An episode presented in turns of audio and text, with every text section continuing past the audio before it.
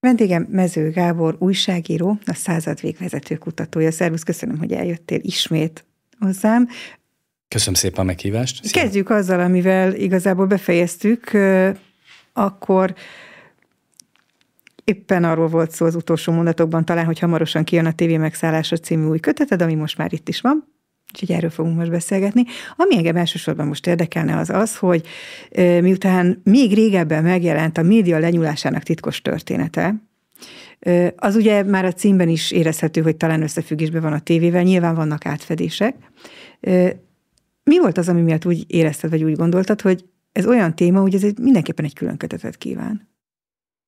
Hát ugye a média lenyúlásának titkos története, abban ott az egész médiára próbáltam koncentrálni, és jelentős részben egyébként a nyomtatott sajtóra is, mellette a tévére is, de itt teljes egészében a tévére akartam fókuszálni, tehát ezt igazából már korábban eldöntöttem, nyilván azért is, mert, mert sok olyan pályafutást látok itt is, aki igencsak bele, beleillik az én kutatási területembe. Vagy azért, mert olyan hatalmas az anyag, talán, nem? Tehát az is közrejátszhatott, hogy önmagában annyi mindenkiről olyan sok mindent írtál le, Nyilván majd beszélünk egy csomó, csomó mindenről.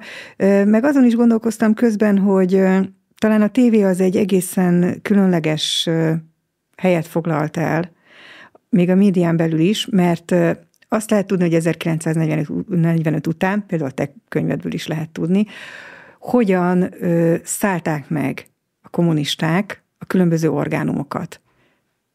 Tulajdonképpen ez is egyfajta médiaháború volt, hiszen ami nem kommunista orgánum volt, azt ellehetetlenítették, megfojtották, megszüntették. Leírod ebben a könyvben például, hogy Iperpár hogy járta végig a vidéki rádiókat, és hogyan dobott ki mindenkit, aki nem kommunista volt, hogy ültették be az embereket. Na de itt most egy olyan médiumról beszélünk, ami teljesen új volt, szűz volt, az ő uralmuk alatt jött létre.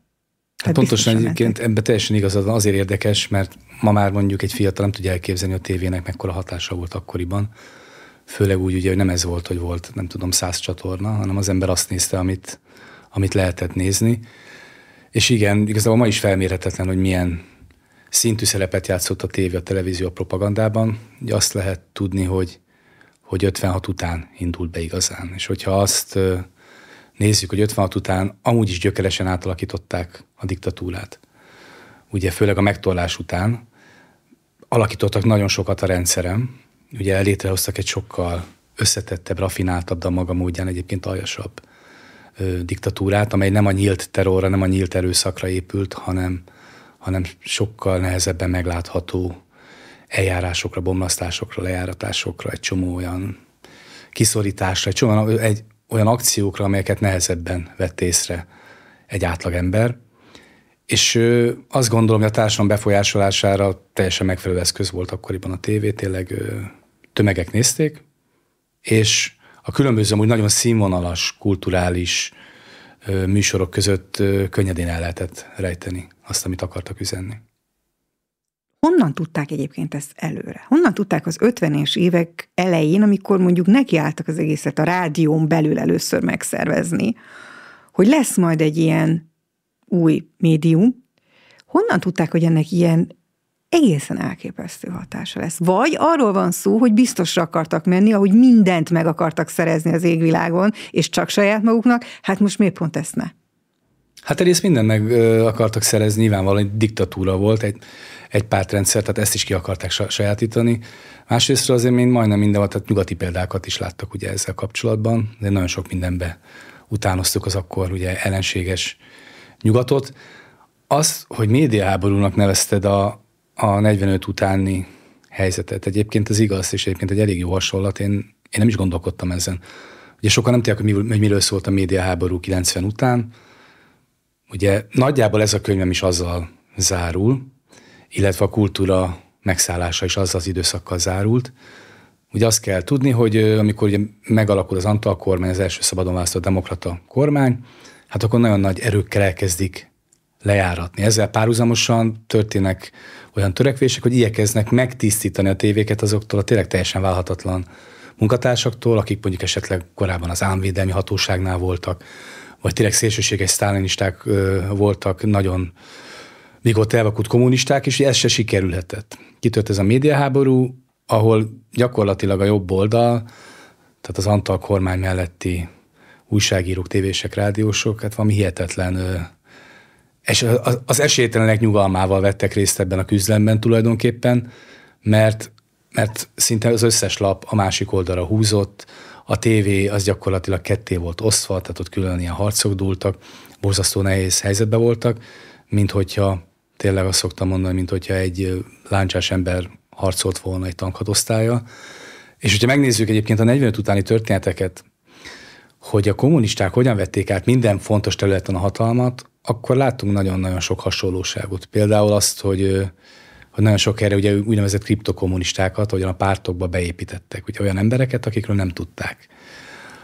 Az ottani pártagok, vagy a, az adott médiumnak a munkatársai egyébként kommunisták, de a kommunisták építették be őket. Na most ezek az emberek jelentős szerepet játszottak abban, hogy előbb vagy utóbb ezeket a médiumokat a kommunisták megszerezték, így átvették az összes felett az irányítást, és eljutottunk végül is oda, hogy amikor Magyarországon tényleg megtörtént a teljes hatalom átvételük, tehát 47-48-ba, addigra gyakorlatilag az összes terület az övék volt.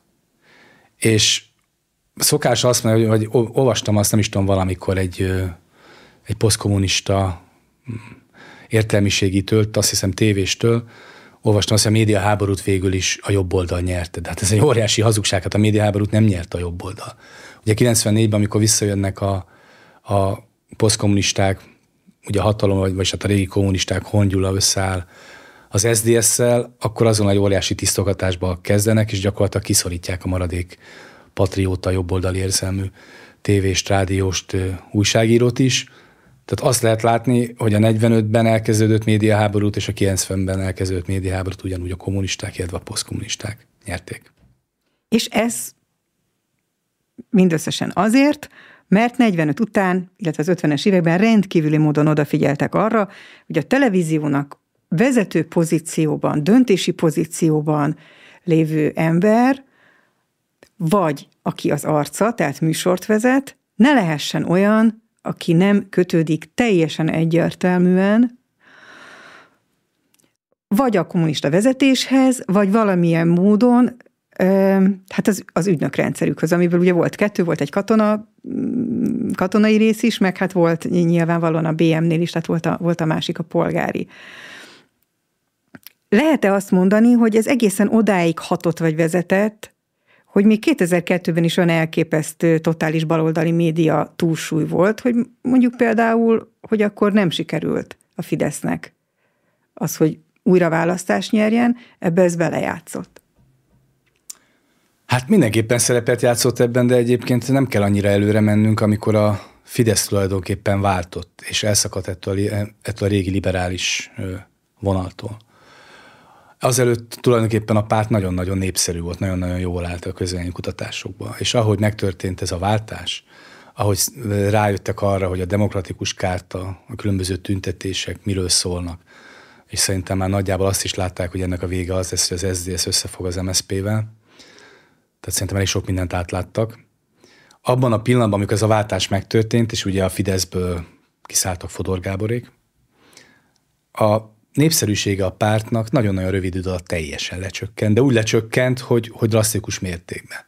És ez nyilván nem amiatt volt, mert a, nem csak amiatt volt, mert hogy a korábbi szavazók elfordultak tőle, vagy azok, akik rágondoltak, hanem olyan szintű mocskot kaptak ugye a nyakukba is lejáratást, az addig velük egyébként baráti sajtóból, hiszen addig úgy tűnt, hogy abba a táborba, nagy táborba tartoznak, amit hát nyilván nem köszöntek meg.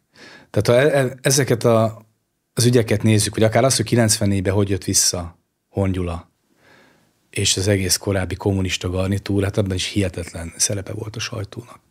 Tehát máig nem gondoltak mondjuk abba bele szerintem sokan, hogy az, hogy a média a vidéki megyei ö, napilapokat szinte mindenhol, ahol én kutattam, ott mindenhol ugyanazok a régi pártkáderek, bányászok, kiszkábések, volt, aki munkássör volt, tehát a legvállalhatatlanabb karakterek irányították, 90 után is, annak azért elég komoly szerepe van abban, hogy az MSZP vidéken például jól szerepelt, hiszen tudjuk, hogy vidéken, hát a kommunisták, illetve az MSZP azért nem egy közkedvelt társaság. De akkoriban mégis jól szerepeltek, miért? Mert a média gyakorlatilag kizárólag mellettük volt. Hm. Amit az imént mondtál, a, hogy is mondtad, hogy a, a közszolgálati tévé, akkor még nem így hívták, az megosztott volt. Annak ugye az egyik főszereplője az az estéegyenleg volt. Tehát volt gyakorlatilag egy híradó, aminek Antal kormány hatalomra kerülése után elbocsátották a kommunista vezetőket, és ezek után jött létre egy, hát mondd, hogyha hülyeséget mondok, de szerintem ez olyan az árnyék kormánynak a mintájára, mint egy ilyen árnyék híradó tulajdonképpen. Nagyjából az volt Az volt a funkciója is. Ami nagyon érdekes, hogy rögtön az első perctől kezdve úgy állították be, hogy az ott a propaganda, mármint a híradó, és ők pedig a független objektívek.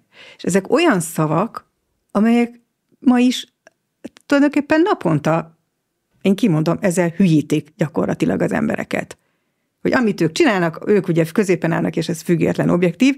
Lehet azt mondani szerinted, hogy ez, a, ez, ez már akkor elkezdődött, és a mai napig áthúzódik, hiába volt közben egy vagy két generációváltás? Ez a játszma abszolút, de hát egyébként ez régebbi. Ha valaki megnézi a kommunista propagandát és a rákosi félét, tehát az a legvadabb, tehát amikor tényleg halált követeltek emberekre, és olyan szinten uszítottak, amit így szerintem egy fiatalabb ember nem is tud elképzelni. Egyébként nagyon javaslom nekik, hogy nézzenek utána, hogy hogyan írtak akkoriban a sajtóban, teljesen ártatlan emberek üldözését, bebörtönözését, kivégzését követelve. Hát már akkor is ők demokraták voltak, tehát olyan jelszavakat hangoztattak, amik ugye köszönő viszonyban se voltak a valósággal. A kommunizmus, a kommunizmusnak, a bolsevizmusnak, egyáltalán az eszmének nagyon-nagyon nagy erőssége az, hogy remekül ki tud sajátítani kifejezéseket. Uh-huh. Tehát mhm. gyakorlatilag Einstein kifejezéseket, és az ilyen különböző hálózatok a sajtó segítségével ezeket tényleg egy egybe magáénak tudja. Tehát ha belegondolunk a, a, abba, hogy a szabadság, a béke, szolidaritás, hogy minden szó gyakorlatilag tényleg így az, a magukévá tettek, akkor innen egyébként nem olyan nehéz addig eljutni eddig a szómágiáig, ami tényleg 90 után rendszerszerű volt, hogy volt a propaganda, és voltak ők, ugye a demokratikusak, az objektívek, a függetlenek. Most nyilván ez egy óriási bluff volt. Elég jellemző az, hogy a, ugye ment ez az egyenleg, emellesleg egyébként ez is Vitrai Tamás ötlete volt maga a név. Ugye Bánó András volt ott a húzóember, maga is egy megbízható ember, ugye mondjuk azt párt szempontból, tehát politikai szempontból teljesen megbízható. Ugye ott voltak a IMO végzett kis segédjei, ugye IMO az a moszkvai, híres híret moszkvai egyetem, amit azért hát nem véletlenül hozunk kapcsolatba a KGB-vel, illetve a hírszerzéssel. Nyilván azt nem lehet állítani, hogy mindenki, aki oda járt, azt mondjuk beszervezte a KGB-ről, szó sincsen, vagy az, hogy ott aki oda járt, abból feltétlenül hírszerző lett, de hát az ez egy nagyon gyanús iskola, amely egyébként remek kapcsolatrendszert is biztosított.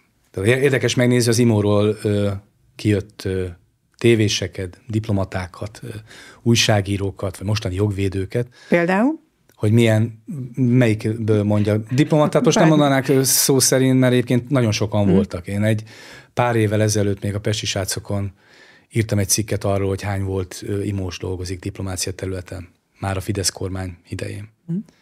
És hát elég nagy balhé lett belőle egyébként, az, az LNP gyakorlatilag fel is vetette ezt az országgyűlésben, hogy ez tehát ez nemzetbiztonsági kockázatot is jelentett. És az örömmel láttam, hogy történtek lépések, tehát voltak. Tévések közül mondjuk ismertebb Imós, ugye Frey Tamás, aki nem annyira ismert, de ugyanebben a társaságban tartozik, Radnai Péter, ugye ő az, aki mostanában ilyen úgymond baráti interjúkat készít ugyanazokkal az emberekkel, akiknek én megírom mondjuk nagyjából a, az ismeretlen, ismert történetüket. Ő velük készít ilyen baráti, nosztalgikus interjúkat ezekkel a tévés úgymond legendákkal. De hát ott van Hardi Mihály, ugye ő mondjuk talán ő a legfeketővesebb, ugye most éppen klubrádiós, őt sem nagyon kell szerintem sokaknak bemutatni. Az a lényeg, hogy megcsinálták ezt a csapatot, és tulajdonképpen tényleg csináltak egy, hogy fogalmazta egy árnyék, árnyék híradót, ami gyakorlatilag semmi más nem célzott, mint ugye az ő elmondásuk szerint ugye a függetlenséget és az objektivitás, de hogyha valaki megnézi akár objektív szempontból, akkor látja, hogy gyakorlatilag az Antal kormányt próbálták minden eszközükkel támadni, lejáratni. Ugye volt ez a híres, hát elég nagy botrányos ügyük. Én épp ezt azt akartam mondani, hogy nem a levegőbe beszéltem én, amikor megkérdőjeleztem ezt a független objektivitást, volt egyébként, utaltál is talán egy fél szóval, a másik műsor az objektív, tehát már a címében benne volt. Igen, hát ez a, ez a bizonyos Gönc Árpádnak a az október 23-án 1992-ben elmondott beszéde. Lehet azt mondani kis túlzással megint, hogy ez volt az első deepfake Magyarországon, mert nyilvánvaló, hogy korábban is voltak hamisítások, hazugságok. Milán Kundera is megírja azt, hogy a kommunisták mondjuk a vállalhatatlaná vált, és esetleg nem csak a közéletből, hanem az életből is megsemmisített embereket, hogyan retusálták le később fényképekről. De itt Magyarországon a rendszerváltás után lehet mondani, hogy ez volt az első ilyen nagy botránya. Nem egyszerűen hazudtak, hanem effektíve mozgóképet hamisítottak. Hát egy nagyon szövevényes ügy, ugye még bíróságügy is lett belőle. Igen. Érdekes, hogy Szegvári Katalin, aki önmagában, ő, ő egyébként az állambiztonságon dolgozott, ugye naptévés, tehát ugyanebbe a társaságba tartozik, ő egy ilyen nagy hőskölteményt írt ugye könyv címén, ahol őket menti, mint ugye a demokrácia védelmezőit.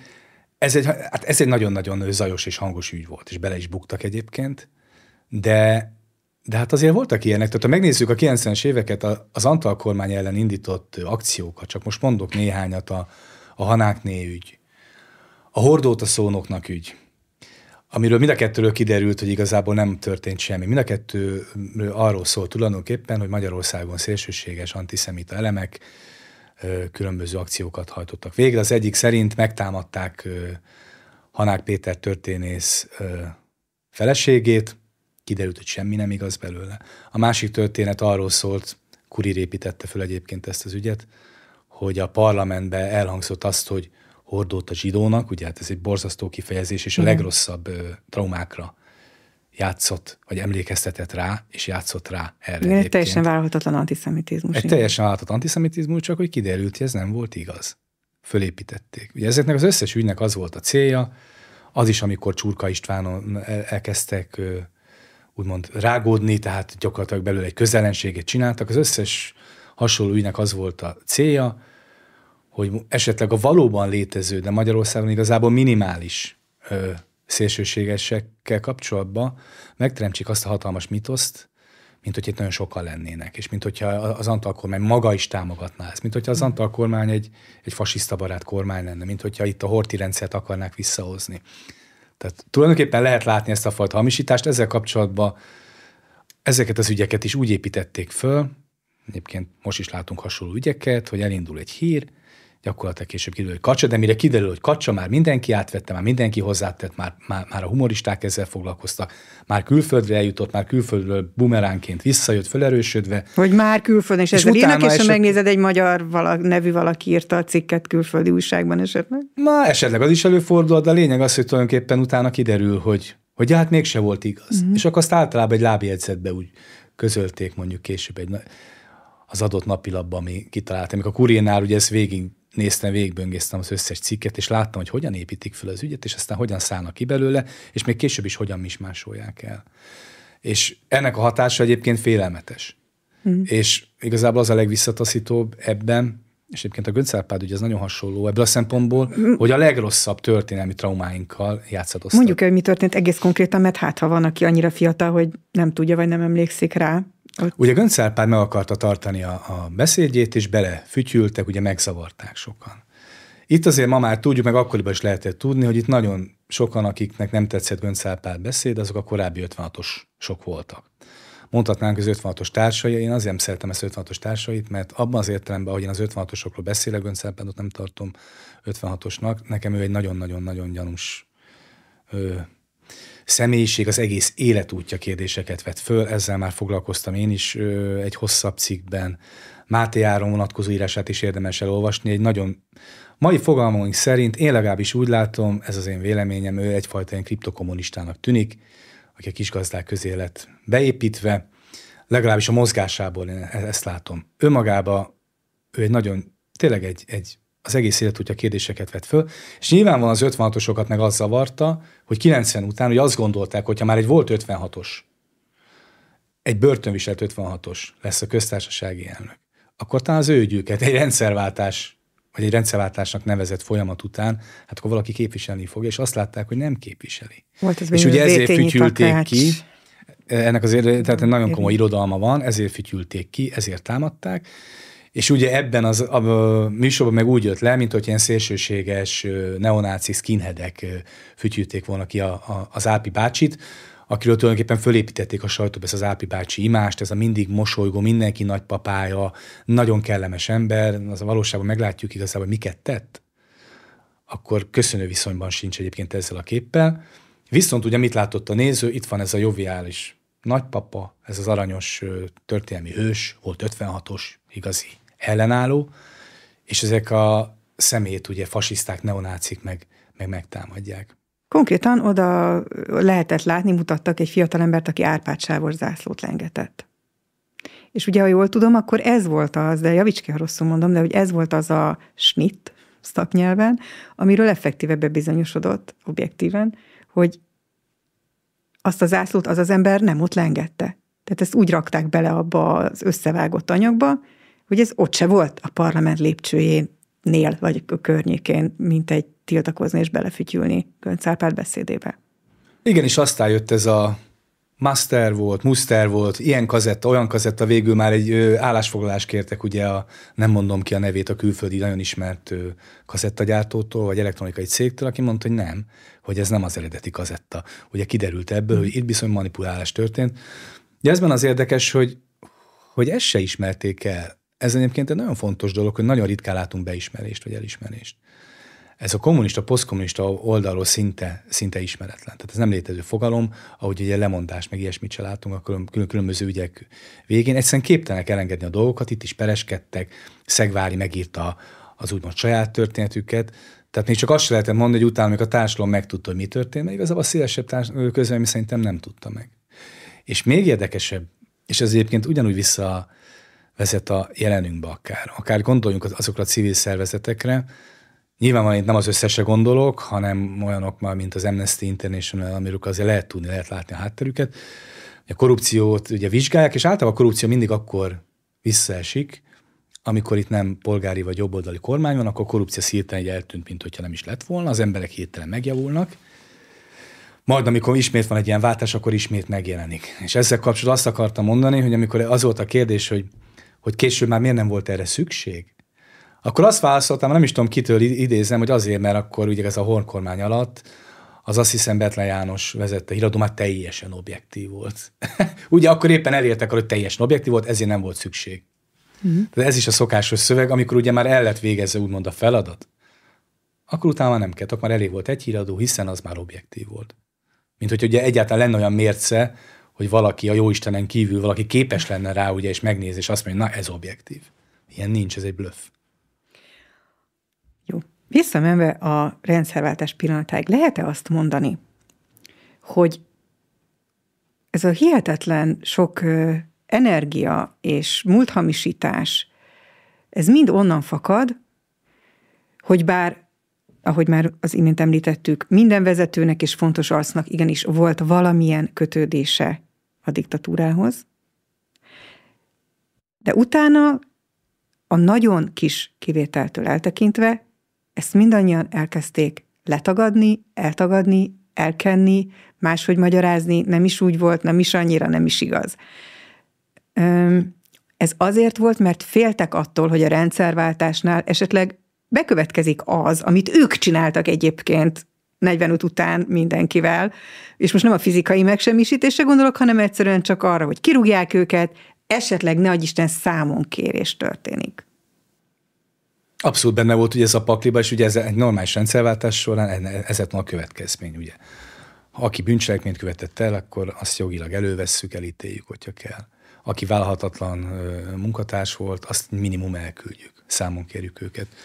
Ettől szerintem valamelyest tartottak. Hát azért ez kiszámíthatatlan volt, tehát ez nem volt egy, egy ilyen világos forgatókönyv, hogy itt semmiféle elszámoltatás és felelősségre vonás nem lesz. Tehát azért ez a, hogy ez a fajta teljesen szélsőséges rendszerváltás jön létre, ahol nem az, hogy ezeket a rádiósokat, a tévéseket nem szembesíti senki, de Biszku Bélát sem. Arra szerintem azért akkor még nem számoltak. Jellemző történet, hogy Popper Péter ugye a mai sokak által imádott ugye ilyen lelket simogató, mindenre gyönyörű válaszokat adó, szeretet nyelvén, keleti, tanok nyelv, keleti tanokat tanító, jóságos, szakállas nagypapa típus egyébként ugyanaz, ugye már régen meghalt. Pszichológus. Ő, pszichológus, ő is ugye a rendszerváltás után elment az országból. És ugye utólag azt mondta, hogy a növekvő antiszemitizmus miatt ment el. De azért ezt vehetjük egy óriási blöffnek, mert ezt mindenki úgy gondolta, hogy nem amiatt ment el, hanem a számonkérés miatt. Ma már ugye róla is tudjuk, hogy, hogy nem csak a galeriket üldözte, tehát gyakorlatilag az ilyen lázadóbb fiatalokat, akiket összemostak a valóban bűnözői csoportokkal, szélsőségesebb huligánokkal, hanem konkrétan állambiztonsági tiszteket oktatott. Tehát neki nagyon sötét a múltja, meg ugye egy későbbi interjúban elmondta, hogy ő 56 után a részt vett az 56 utáni megtollásban, részt vett a szabadságharc leverésében. Le, elmondja ezt egy interjú kötetben, hogy a géppisztolya ment. Hát óriási kommunista volt amúgy. Tehát nagyon valószínű, én valószínűleg tartom, hogy ő is azért ment el, és többeknél lehet látni, hogy hogy igen, tartottak ettől, aztán amikor látták, hogy semmi sem történik, akkor visszajöttek, és mit csinált utána ugyan a Popper Pétert, akit szintén, hogyha valakit megkérdeznék, azt mondaná, hát, hogy egy független, hát, hogy abszolút egy, egy, egy szakértő, egy pszichológus, egy, egy nagyon szeretett, hát ugye Hongyla tanácsadó élet 94-ben. És érdekes módon ezt, amikor valaki ezt akkor felhozta, ezeket úgy elütötték, mint hogy semmi nem történt volna. Hm. A az elhallgatás, meg az elkenés, meg az eltitkolás, szélsőséges esetben akár elhazudás. Egyik szélsőséges esetének gondolom én azt, amikor bizonyos emberek arról beszéltek, hogy tulajdonképpen a családi kapcsolatuk sem segítették őket egyáltalán abban, hogy oda kerüljenek, ahol vannak. Pedig Szilágyi János, Rózsa György, Kepes András, Jusz László mindannyian olyan szülőkkel, vagy legalább egy olyan szülővel ö, szerencsétlen szó rendelkeztek, tehát legalább egy szülőjük volt, aki hát nagyon-nagyon közel volt kommunista hatalomhoz. De valami miatt, ha jól értettem ezeket az egyébként teljesen egyértelműen tőlük idézett interjú részleteket, akkor azt mondták, hogy nem. Nem, ez, ők, ők, ők még ettől is függetlenek. Tehát a családi befolyástól. Mennyire volt ez jellemző egyáltalán erre a rendszerre? Merre, mennyire hihető ez el? Hát nyilván ez egyébként minden rendszerre jellemző, de a kommunista diktatúrára hát nyilván sokkal inkább jellemző. Hát abszolút nem hihető el. Tehát egy olyan diktatúra, ami abszolút a bizalomra, a megbízhatóságra épült, tehát ott hihetetlen fontosak voltak ezek a, ezek a kapcsolatok. Pont, amit mondtam még egyszer, a megbízhatóság. Az, hogy utána elhallgatják ezeket, illetve kicsit kiforgatják, megmásítják, elhagynak belőle részleteket, az tulajdonképpen emberi szempontból egyébként értető. Tehát, hogyha most őket úgy nézzük, mint, mint tévéseket, akiknek ugye van egy pályafutásuk, azért nagyon nehéz e, ezt, ezt utólag megkérdőjelezni. Ugye föl kell tenni a kérdést, hogy hogy kerültem oda, mi az, ami nekem köszönhető, mi az, ami nem. Azért sokkal bonyolultabb, mindig egyszerűbb úgy tenni, mint hogy ennek semmilyen hatása nem lett volna. Ugye, amire a könyvbe fölhívom a figyelmet, hogy, hogy nem az, hogy nem beszélnek róla, de hát Rózsa György is, és mondjuk a Just is többször gyakorlatilag említi, hogy hát nem, hát hátránya volt, egyáltalán nem. Tehát ők mondják, hogy egyáltalán, egyáltalán. Annyira sokszor elmondják, hogy már ez önmagában gyanús. Minek kell ezt elmondani? Hát nyilván azért, mert egy átlagember azt gondolja, hogy de. Ugye ennél azért viszont érdekesebb az, hogy, hogy, hogy ezeket a történeteket ez igazából nem nagyon lehetett tudni. Tehát azt gondolom, hogy a belső kör, mondjuk mint a Jusztól nyilván tudta, hogy miniszterhelyettes az apja. Talán azok is tudták, akik olvastak újságot, és esetleg összerakták a két amúgy nem annyira ismert nevet. Vagy nem annyira ismert nevet, hát nem annyira Na, nem gyakori nem, azért ez nem a név. Nem annyira gyakori nevet. Na most de, erre én nem találtam megfelelő ne, Igen, nem, nem annyira gyakori név, hát sőt azt lehetem mondani, igen, szó, igen, de azért nem feltétlenül jut eszedbe valóban hogyha ezt felmerülhet legalábbis a gyanú, hogy, hogy még az is, hát, hogy nincs köze hozzá esetleg. Egy csomóról meg nem is tudták. Tehát most mit tudom én, a Szilágyi Jánosról szerintem soha nem tudta egy átlagember, hogy, hogy ki az apja. Az ő apja egy tipikus ilyen gazdasági kommunista háttérember volt. Volt a Dunavölgyi bankot vezette, ez a kommunisták egyik legfontosabb gazdasági vállalata volt, de vezette az MTI-t, a rádiót is egyébként rövid ideig, de ő később nem volt egy ismert ember. Kepes Andrásnak az apját se ismerte hmm. szerintem szinte senki. És azt meg, hogy egyébként ő milyen fontos szerepet játszott már korábban a kommunista mozgalomban, milyen szerepet játszott az úgynevezett spanyol polgárháborúban, ugye amikor a társaival együtt gyakorlatilag mai tudásunk szerint feljelentette Rajk Lászlót, ugye az akkori bevett szokás szerint trockizmussal vádolva őt, Rajk László uh-huh. akkor még megúszta, ugye a Rákosi diktatúra végén már nem úszta meg. Nyilván az ember egyébként nagyon nem sajnál, hiszen maga is részt vett a diktatúra felépítésében. Csak hát éppen rámutatott ez a ez az ördögi szerencsekerék, ami ugye egy idő után már úgy pörgették meg, hogy saját magukból is kineveztek árulókat. Tehát ezt egyébként Kepesnek az apja szerintem senki nem tudta, vagy nagyon kevesen tudták. Az is érdekes, hogy ő ehhez hozzáállt, ebből is azért bőven idézek a, a kötetben. Ennél viszont fontosabb az, a, tehát ez, ez az intézeti múlt, mm. ugye, hogy őket lerakták évekre intézetbe a szüleik, és nagyon érdekes, hogy, hogy ehhez is hogyan állnak hozzá. Már Kepes András és Szilágyi János írta testvéreiket. Abszolút. Amikor ugye külföldre mentek, le, akkor az a szülők külföldre mentek, és nem vitték ki a gyerekeket. Magukkal. Nem vitték ki a gyerekeket, hanem gyakorlatilag egy intézetbe rakták őket, ami nyilván egy ilyen kommunista elitintézet volt, tehát akkor még egy intézet, és attól még el voltak szakítva a szüleiktől. És itt viszont már nagyon érdekes egyébként a különbség, és ezért gondolom azt, hogy minden történetet máshogy és máshogy kell kezelni. Ezért nem hiszek az ügynök listába se, semmi ilyesmibe, hogy mindent így egybe vegyünk, mert mhm. minden történet önmagában érdekes. Tehát most úgy egy kalap alá venni a, a, mondjuk a Rózsa Györgyöt, vagy a Jusz Lászlót, hogy egyiknek is ö, kommunista káder volt az apja, a másiknak is, persze lehet, de nézzük meg azért a különbségeket. Nézzük meg, hogy Jusz László folyamatosan és vadul politizált, Rózsa Györgyöt sohasem láttunk politizálni egyébként. A két ember személyisége is teljesen más. Szerintem most egyiküket se kell bemutatnom. A Jusz Lászlót a saját táborán kívül nem hiszem, hogy sokan szeretnék. Kétségtelen, hogy van neki ugye egy saját tábora, ez a elég könnyedén meghatározó volt MSZP és dk tábor. És itt is ugyanazt látjuk, hogy Kepes András és Színágy János története való egyébként hasonló. De valahol a feldolgozás viszont teljesen más. Ugye Kepes András úgy tesz ezekben, amikor erről egyáltalán nyilatkozott régebben, mint hogyha szülei tulajdonképpen áldozatok lettek volna, itt a munka oltárán gyakorlatilag őket túszként itt kellett adni a gyerekeket. Ami önmagában szerintem egy ilyen befolyásos kommunista esetében már önmagában megkérdőjelezhető. Na de pont Szilágyi János teszi fel a kérdést teljesen jogosan, hogy az jó, oké, hogy az apja fontosabbnak tartotta a politikai pályafutását, a pártot, a mozgalmat, és itt hagyta a gyerekeit. De az édesanyját ugyan kikényszerítette erre. És ezt a kérdést Szilágyi János egyébként föltette magának, és ő el is mondta, ezt én nagyon tisztelem benne, hogy egyrészt elmondta, hogy az apjával sose volt jóba, tehát halála előtt tudott vele egyáltalán normálisan beszélgetni, mert nem volt igazából apa. De ezek mozgalmi emberek voltak, nekik a mozgalom volt az első, meg a karrier. De leginkább az, a, az anyjára haragszik, hiszen mégiscsak ő hagyta ott, és egy anya, tehát, és igazából ezt nehéz felfogni, mert láttunk azért már sok olyan apát mondjuk, aki én is, mint, mint apuka látom, nem vállalnám ezt be sohasem, hogy, hogy évekre ott hagyjam a gyerekeket, de ilyet láttunk, de jött, hogy az anyukája is ott hagyja.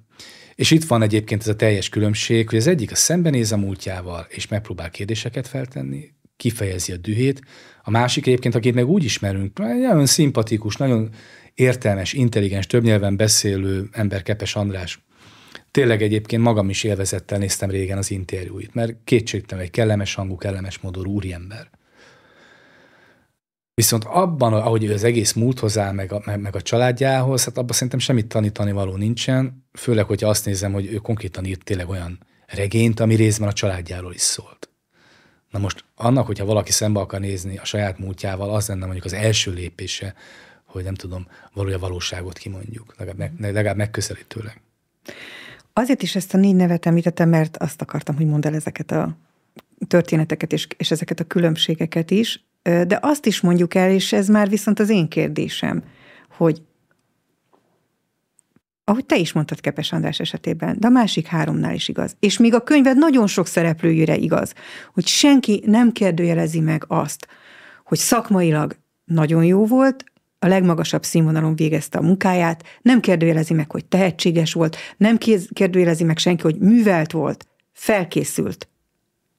Nagyon jó szakember, bocsánat, ha ismétlem magam. Miért nem fért el az, hogy esetleg azt mondják, hogy igen, egyébként meg egy kicsit megkönnyítette az életemet az is, hogy volt összeköttetés. Nem tudom, szerintem, szerintem ezt valószínűleg nehéz lehet kimondani, meg, meg, meg én vélelmezem egyébként, hogyha hogy itt kibeszélni is nagyon szeretnek a kórusból. Tehát, hogy még az egyikük tesz egy ezzel kapcsolatban egy vallomást, és elmondja, hogy hát igenis nekem az elég könnyű volt, vagy nem volt könnyű. Pont emiatt, de viszonylag őszintén szembenéz ezzel, az a többiek múltjára is hatással van, és nem hiszem, hogy a többiek örülnének neki, hogy az egyikük elkezdene erről beszélni. Most képzeljük el, hogyha mondjuk egy volt imós elkezdene beszélni arról, hogy őt esetleg ott beszervezték. Vagy hogy történt ez egész? Kinek dolgozott, és mikor, hogyan? Hát az összes többi imósra is ugye rossz hatással van. Tehát abszolút azért mű, ő, működik, a maffiába omertának nevezik ezt a hallgatás törvényét, mm. ugye, hogy nem szabad kibeszélni, az árulókat a legkeményebben büntetik, hát erre szerintem klasszikusan igaz. De konkrétan nem gondolom egyébként, hogy amikor a Szilágyi Jánosnak ezt a, a riportját olvastam, mondjuk a Kepes, ha olvasta, nem hiszem, hogy örült neki, mert tulajdonképpen ezek párhuzamos történetek. És, és nekem, vagy az olvasónak, vagy az, aki elemezni akarja a múltat, ez egy óriási segítség. Mert én mondhatom azt kutatóként, hogy dehogy is, mi, mi, milyen túszként kellett ítani, hagyjuk már. Hát sokkal hitelesebb, hogyha egy másik kommunista gyerek mondja el, hogy milyen túsz. Hát dehogy is, a karrierje fontosabb volt. És ha ebbe belegondolunk, akkor szerintem lehet látni a hallgatásnak az okát. Lehet, hogy ez egyéni érdek is, de szerintem csoport érdek is. Uh-huh. És hogyha összevetjük ezt ezzel, hogy, hogy ha csak az SZDSZ-nek a vezető csapatát megnézzük, az ő családi hátterüket, most sorolhatnám sokáig itt a AVH-sokat, a különböző pártembereket, Kis Jánosnak az édesanyját, aki az Írószövetség pártitkára volt. Tehát ezek nagyon komoly ö, pozíciók. Rajkászlónak, ifjabb Rajkászlónak az apja ugye belügyminiszter volt. Ezek nagyon komoly pozíciók. Ez a társaság ez konkrétan abban volt érdekelt, hogy ne legyen igazságtétel, ne legyen szembenézés, ne legyen olyan fajta múltkutatás, ami ezeket feltárja. És hogyha hozzájuk tesszük egyébként ezeket a tévéseket, ezeket a vezető tévéseket, hát ők mind ugyanebbe voltak érdekeltek. Hát a, a, egyébként a Vitrai Tamás például nem írja meg saját magától, vagy nem tudom, lehet, hogy esetleg megzsarolták, és azért írta meg. Mert máig nem értem, miért írta meg ezt a kiképzést. Én nem értem egyébként, hogy neki milyen reális oka lehetett arra, hogy egy amúgy tényleg szinte köztiszteletben álló tévésként. Tehát konkrétan mondjuk a jobb oldalak talán kevésbé szerették. De az egy általános elfogadott tévériportál volt. Ne soha nem értettem, hogy miért írta meg, hogy ő a politikai, a néphadsereg politikai főcsoport főnökségén dolgozott. Ugyanis, hogyha ő ezt ő nem írja meg, akkor ezt szerintem senki nem tudja. Vagyis nyilván van, aki tudta volna róla, de akkor senki nem megy utána. Tehát már az önmagában szerintem egy rendszeriba volt, vagy valaki megzsarolta. Az az igazság, hogy, hogy tényleg az egész csoport abban volt érdekelt, hogy erről ne beszéljünk. És hogyha valaki erről beszélt, akkor igyekeztek ráhúzni egy szélsőséges sapkát, igyekeztek ráhúzni mérvájká mások életébe, igyekeztek mindent összemosni, amit mondta az elején, és meg most is kifejezett, ezek tehetséges emberek voltak. Szinte mindig megjelent az, hogy, hogy miért veszük le a tehetségüket, amikor megjelenik egy ilyen cikk. Senki nem veszi le a tehetségüket, de ezek ugyanaz, ez ugyanannak a technikának a részei, hitelteleníteni ezt az egész kutatást, és tulajdonképpen benne mondjuk, hogy mindenki abba volt érdekelt, hogy ne történjen meg, akkor látjuk is, hogy miért nem történt meg. Akkor mi az, ami téged például, és a hozzád hasonló kutatókat zavar? Miért gondoljátok azt, hogy ilyen cikkeknek, és hogy ennek a könyvnek meg kell születnie? Hát nyilván itt a rendszerszerűség a fontos. Tehát igazából, hogyha látjuk, hogy hogy történt a 40-es években, a 40-es években mi történt, mi történt 50-es években, 60-as években, aztán a rendszerváltásnak nevezett folyamat, folyamat során, akkor érteni fogjuk a 90-es éveket. Tehát én, én pontosan azért is szeretem ezeket kutatni, mert hogyha látjuk ezt a fajta átmentést, a, ezt a szembenézésnek a teljes hiányát, akkor a médiáborút is sokkal jobban fogjuk érteni. És a médiáborút értjük, akkor sokkal jobban fogjuk érteni, hogy a, hon, a honkormány az hogy lett megválasztva. És hogyha azt értjük, akkor 98-at is jobban fogjuk érteni, és így tovább. Tehát a jelen csak akkor fogjuk tudni megérteni, hogyha múltat össze tudjuk rakni. Tehát nyilvánvalóan engem ez motivál. Az, hogy különböző emberekre fókuszálok, tehát hogyha én mint rendszerszerűségről írnék, és írnék erről egy, egy tanulmányt, hogy ez így történt, de név nélkül, hát valószínűleg a kutya nem olvasná, és a kutyát nem érdekelne. Ugye ez a történészeknek sokszor a legnagyobb tragédia, ugye én nem vagyok történész, csak ugyanezen a területen mozgok, hogy hiába írnak értékes tanulmányt, hogyha tulajdonképpen nem üti át azt a falat, ha nem jut el a nyilvánossághoz. Na most nyilván azért fontosak nekem a Kepes Andrások, a Frejek, a Vitraik és a többiek, mert rajtuk keresztül el tudom mondani, amit akarok. Hogy tulajdonképpen itt mindenféle mindenféle átvilágítás nélkül ugyanazok az emberek folytatták, ugyanazok az emberek maradtak a médiában, vezető pozícióban, akik korábban. És így gyakorlatilag megtörténhetett az, hogy egy volt AVH-s Vajda Péter, ugye ott marad a Népszabadság, a belpolitikai rovatot vezetheti, később Gyurcsányék alatt a Nemzetbiztonsági Hivatal szóvivője lesz, egy volt AVH-s tiszt. Megtörtént az, hogy egy másik volt AVH-s tiszt, Kanyú András, az a rendszerváltás után is a Magyarország című nagyon népszerű heti lap főszerkesztője marad, és amikor leváltják, akkor sajtóhisztéria indul, mert a sajtószabadságnak vége, és azt írják a lapok tulajdonképpen, hogy Antalék vissza akarják vezetni a diktatúrát, ez már Rákosi diktatúra, hiszen leváltanak egy főszerkesztőt, csak azt felejtették el közön, egyébként korábban AVH volt. Tehát ezeket, mondjuk ezeket a példákat csak így kiragatom. Vagy az, hogy Ipperpált valószínűleg csak a korai halála akadályozta meg abban, hogy 90-es években is esetleg a tévé arca legyen a nagyköveti állásából visszatérve, akkor szerintem láthatjuk azt, hogy, hogy mi a következménye a, a felelősségre vonás, a szembenézés teljes elmaradásának. Találkoztál-e olyan esettel, arra példával, hogy ezeknek az embereknek a kötődése az előző rendszerhez, hogyan jelenik meg a műsorokban? Hát persze, most igazából tehát önmagában, hogyha én azt írogatnám le, hogy ki honnan származik, ki milyen kommunista családból származik, annak sok értelme nem lenne. Nyilván itt érdemes bemutatni azt is, hogy mit csinálnak. Tehát ebben azért az a rendszerszerűség, hogy hát ugye például amikor 90 után már valamiféle szabadság van, és lehet választani, ugye nem egy pártrendszer van, hát akkor azért nagyon nagy többség ugye marad itt a, ma már úgy hívjuk, hogy balliberálisok, ugye ez az SZDSZ-es MSZP már akkor szerintem egymás felé tapogatózó későbbi koalíció mellett, és ugye egy nagyon kisebbség áll át tulajdonképpen a jobboldali kormány mellé, tehát nyilván ezeknek a lenyomatai korábban is benne voltak, inkább itt a témák nagyon érdekesek. Most tudok egy olyat mondani, hogy a Jusz László nem büszkén mondta el már később egy interjúban, hogy ő készített, még a házi őrizetben lévő Todor Zsivkov bolgár diktátorral is nagy interjút készítetett, és bejutott hozzá a stábjával.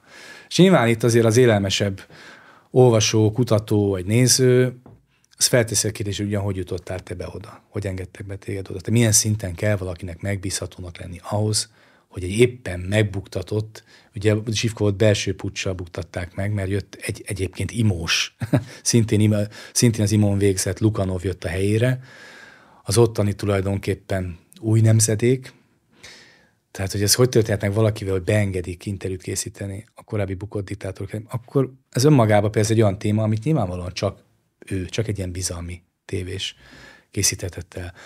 De hát Vitrai Tamás munkát is érdemes ebből a szemszögből vizsgálni. Idézem is azt a paplászlóval készült hát beszélgetést, ahol maga szabadkozik, hogy hát igen, ő sajnos neki kellett kimondania. Itt a tévében gyakorlatilag a közvéleménnyel ő közölte, hogy Paplászló inkább ne legyen profi világbajnok, inkább ne próbáljon meg profi világbajnoki címet nyerni, hiszen ez, hiszen ez csúnya kapitalista pénzhajház dolog, és ez később egy öt szem közt az ő Ötszem közt című műsorában ez paplászta egyébként is szegezte ezt a kérdést, csak ott kiderült, hogy haragszik rá. És Vitőt később magyarázkodott, hát ez nem is az ő izé, ez csak így, többen írták ezt így együtt, csak ő olvasta fel, stb. stb. Abból is lehet látni, hogy valójában most már azt mondják, hogy, hogy akkoriban már szinte öncenzúra sem volt, nem hogy cenzúra. Tényleg már sokan úgy igyekszenek úgy csinálni, mint hogyha már maga a 60-70-es években is ilyen óriási szabadság lett volna, itt mondjuk a tévében, ehhez képest nagyon érdekes ezeket a, a saját visszaemlékezéseket ütköztetni szintén saját visszaemlékezésekkel, vagy tényekkel, amiből kiderül, hogy hát igen, itt igazából minden pontosan ki volt találva. És az is pontosan ki volt találva, hogy a, amikor megteremtik itt a legvinámabb baraknak az imázsát, akkor kik azok, akik ezt ugye propagálhatják. Ki az, aki mondjuk könyvet írhat ilyen témából, ki az, aki riportokat készíthet, ki ellenőrzi ezt, ki az, aki a humor területén, ugye Komlós és Hofi lehet lazább, és képviselheti ezt a látszatszabadságot. Pontosan mindenki volt munkával és módolva. a Kepes András egyébként pont azért jó, jó példa, mert ő a saját jogán is egyébként egy jó tévés Én például Főjük Frey Tamást egyáltalán nem tartottam egy jó riporternek. Tehát amikor én néztem az ő műsorát, és akkor ez még gyerek voltam, illetve később kamasz vagy fiatal felnőtt, nem is tudtam, hogy mit keres a tévébe, tehát abszolút tehetségtelenek láttam, olyan zavartnak a kamera előtt, nem beszélt igazán jól, tehát őt mondjuk nem nagyon értettem. De amikor az előéletét látom, akkor érteni vélem, ugyanis ez a hálózat, most itt nem a beszervezésre kell gondolni, mert nem volt mindenki beszervezve, de mondjuk így, ez a posztkommunista, imós hálózat, az igazából hát nyilván segítette egymást. Tehát itt azért azt is lehet látni, hogy ellenük a jobboldali tévések is próbálták egymást segíteni. Csak nyilván sokkal kevesebb eszközük volt és emberük volt, volt erre. Ahonnan el akartam indulni igazából, hogy Kepes valószínűleg az világ összes rendszerében egy, egy jó tévés lett volna, hiszen megvannak azok a képességei. Tehát az önmagában teljesen értető volt, hogy vele akarnak műsort csinálni. Hiszen őt ismerték a nézők a 80-as években. Hát az is érte, hogy Vitra itt szerepeltették, hiszen őt ismerték az emberek. Ugye ezt nem tudják, vagy ezt nem értik meg sokan, hogy, hogy annyira kizárólagos volt. Tehát tényleg csak őket lehetett ismerni. Itt nem volt, már, nem volt internet, nem volt más. Itt az ország őket ismert. Tehát teljesen természetes volt, hogy ők kerülnek át. Az nem volt természetes, a rendszerváltásunk úgy ment végbe, hogy nem volt egy átvilágítás. Akár egy normális nemzetbiztonsági átvilágítás, de akár olyan szempontból átvilágítás, hogy megnézzük, hogy ki mit csinált régebben, milyen vállalhatatlan dolgokat csinált. Ha esetleg csinált, akkor van-e keresnivalója egy demokrácia tévéjében. Nem a kereskedelmi tévében, oda fölveheti, hogyha valaki akarja, a közszolgálaton. Mondjuk az én rendszerváltott országomban konkrétan olyan tévés nem dolgozhatna közszolgálaton, és sajtóban se dolgozhatna olyan ember, aki az imon végzett.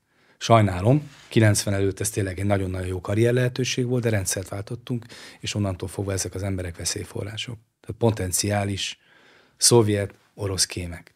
Ez még akkor is igaz, hogyha biztos egy nagy részük egyáltalán lett beszervezve. De egyszerűen veszélyesek, és egy KGB-sről sose fogjuk megtudni, hogy KGB-s. Ha csak nem a KGB-nek az utódszervezet azt akarja. Szóval kezdjük itt. Én ugye Imosoktól hamar elbúcsúztam volna, de Fred Tamással kapcsolatban nem is az érdekes, hanem az, hogy ő maga elmondja egy interjúba, hogy ő a rendszerváltás után ösztöndíjat kapott, így fogalmazom, az amerikai információs hivataltól. Most, ha kimondom ezt a szót, hogy információs hivatal, az általában a világ legtöbb nyelvén hasonlót jelent, minden esetre nem cseng túl jól. Ezt egyébként azóta se magyarázta meg, ez sem jelenti azt, hogy ő mondjuk az amerikaiak által be lett volna szervezve, vagy az amerikaiak megnyerték volna. Mindeneset az, azért elég érdekesen cseng. Azért mondtam el ezt a példát, mert, mert sokszor tényleg ezek az apró kis információmorzsák segítenek ahhoz, hogy egy-egy pályafutást úgy teljességében lássuk. Most térjünk vissza az ügynök törvényre. Nagyon jó, hogy volt ügynök törvény, mire koncentráltak azért. Elsősorban valaki 3 per 3-as volt-e. Most a 3 per 3 az ugye csak egy szelete a dolgoknak. Ugye nem véletlenül lett az úgy kialakítva, illetve az erőltetve, hogy erre fókuszáljon a társadalom, ahogy az sem véletlenül lett így kialakítva, hogy az ügynökökre koncentráljunk, és ne az uh-huh. esztétisztekre, ne a tartótisztekre, ne azokra a politikusokra, akik, önmaga, akik ugye rendszert működtették, hanem azokra uh-huh. az ügynökökre, akinek egy részét egyébként bezsarolták. De nagyon-nagyon nagyon aljas és, és nagyon aljas kegyetlen és módon, igen, akár a család kír, Egyébként politikai szempontból, politikai igen. szempontból az nagyon ügyes húzás volt 90 után. Ugye mindig jöttek az, az MDF között hány ügynök van. Hát és valóban egyébként sok ügynök volt az MDF között. Hiszen elsősorban a rendszer ellenségeit szervezték be uh-huh. ügynöknek presszióval, ugye zsarolással 90 előtt. Uh-huh. Azt senki nem nézte, hogy ki volt társadalmi kapcsolat. Azt is kevesen nézték, ki dolgozott a katonai szolgálatnak. Azt aztán pláne nem nézték, hogy szigorúan titkos tiszt volt. Ezeket minden olyan nézték, koncentráltak az ügynökökre. Ez jutott eszembe, hogy most mondjuk vegyük Acél Endrét, szintén egy ismert tévés. Hát ő MNVK kettős volt, a katonai hírszerzésnek dolgozott, előtt, hogy ott volt a vietnámi vagy magyar béke testületben, ugye ilyen, mm. nem is tudom, tartalékos katonaként azt hiszem, de ő például az ügynök, tehát ő ezen az ügynök törvényen simán átment volna. Holott egyébként sokkal inkább veszélyforrás, mivel a katonai hírszerzéshez tartozott, mint mondjuk egy bezsarolt ügynök. Sokkal veszélyesebb abban a szempontból, hogy szintén nemzetbiztonsági kockázatot mm. jelentett. Egy ilyen újságíróba, tévésben nem lehet megbízni. Sose tudom, hogy mit, miért ír. Holott? Mit miért mond. Igen. És ő simán átment ezen, és hányan mentek át ezen simán. Mm. Acélendre az, akitől egyébként idézel egy olyan mondatot, amit valahol írod is, hogy egy nagyon ritka pillanat, amikor őszinte mondatot leírnak. Igen, igen, igen. Ugye ő mondott valami olyasmit, hogy, hogy hát azért aki azt mondja, hogy húzamosabb ideig a diktatúrában, külföldön dolgozhatott, tanulhatott, és nem kell jelenteni, az effektíve hazudik.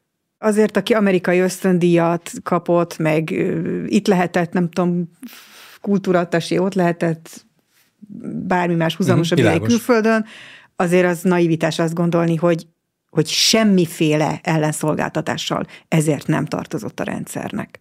Ezzel gondolom egyetértesz.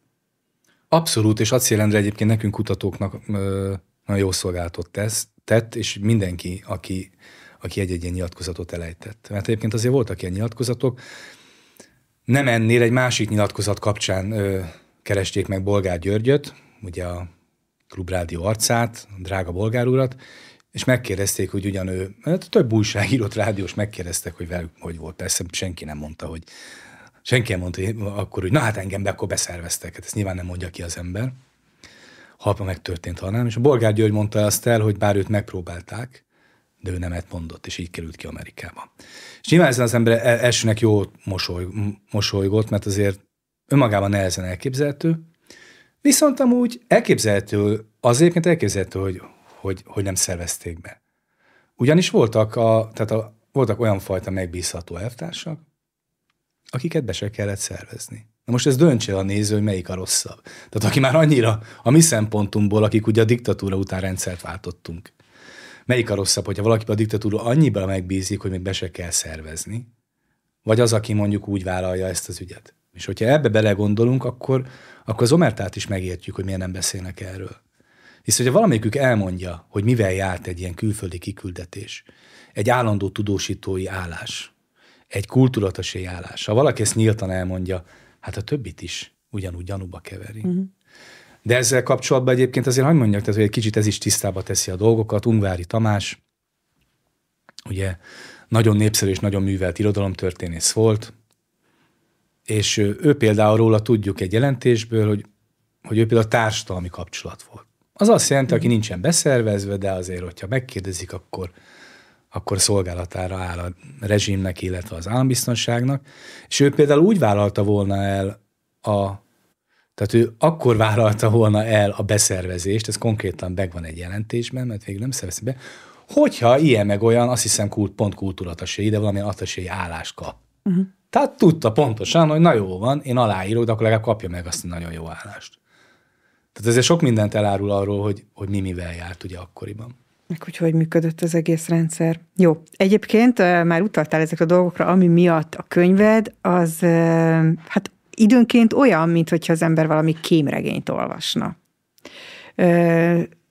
Tényleg, mint egy John le Carré regény, és nem véletlenül mondom az ő nevét, mert mert őre konkrétan hivatkozó, pont Kepes András édesapja kapcsán, aki nagy valószínűséggel ismert valakit, aki tényleg szerepel egy John le regényben. Ezen talán nem is kell egyébként csodálkozni, hogy e, ilyen poszton levő emberek ismerhettek, kapcsolatba kerülhettek, akár külföldi kémekkel is. Ebben még akár semmi rossz sincsen, hiszen lehet, hogy éppen róluk akartak valamit e, megtudni, nem ezt mondom. De hát azért vannak itt nagyon érdekes és furcsa dolgok. Például a Berec klánról is írsz. Berec Anna Mária, balesete, amint nagyon sokan azt mondják, hogy nem baleset volt, vagy hanem gyilkosság. Aztán például, amikor Jusz Lászlóról írsz, az ő kapcsolatairól, nyilván van olyan benne, ami egyértelműen bizonyított, ezt leírod, meg leírod, hogy ott még mi lehet a háttérben. Tényleg olyan, mintha az ember valami fikciós regényt, egy kémtörténetet, vagy valami hasonlót olvasna. Erre számítottál, hogy ilyen kapcsolatokra bukkansz? Hát abszolút igazából, hogy az ember a 90-es évekkel foglalkozik, akkor önmagában eszébe jut az a kifejezés, hogy vad kelet. Ha csak így belegondolunk, hogy mi történt a 90-es években, tényleg robbantások, fenyőnek a meggyilkolása, ugye éppen most ítélték el első fokon Gyárfás Tamást, azért ez a maiból, a mai nyugodt időszakunkból visszatekintve, ez egy szürreális világ volt egyébként. El ne felejtsd, mondani akartál, például ehhez mit szóltál, amikor meghallod, megláttad, hogy meghallottad ezt a hírt?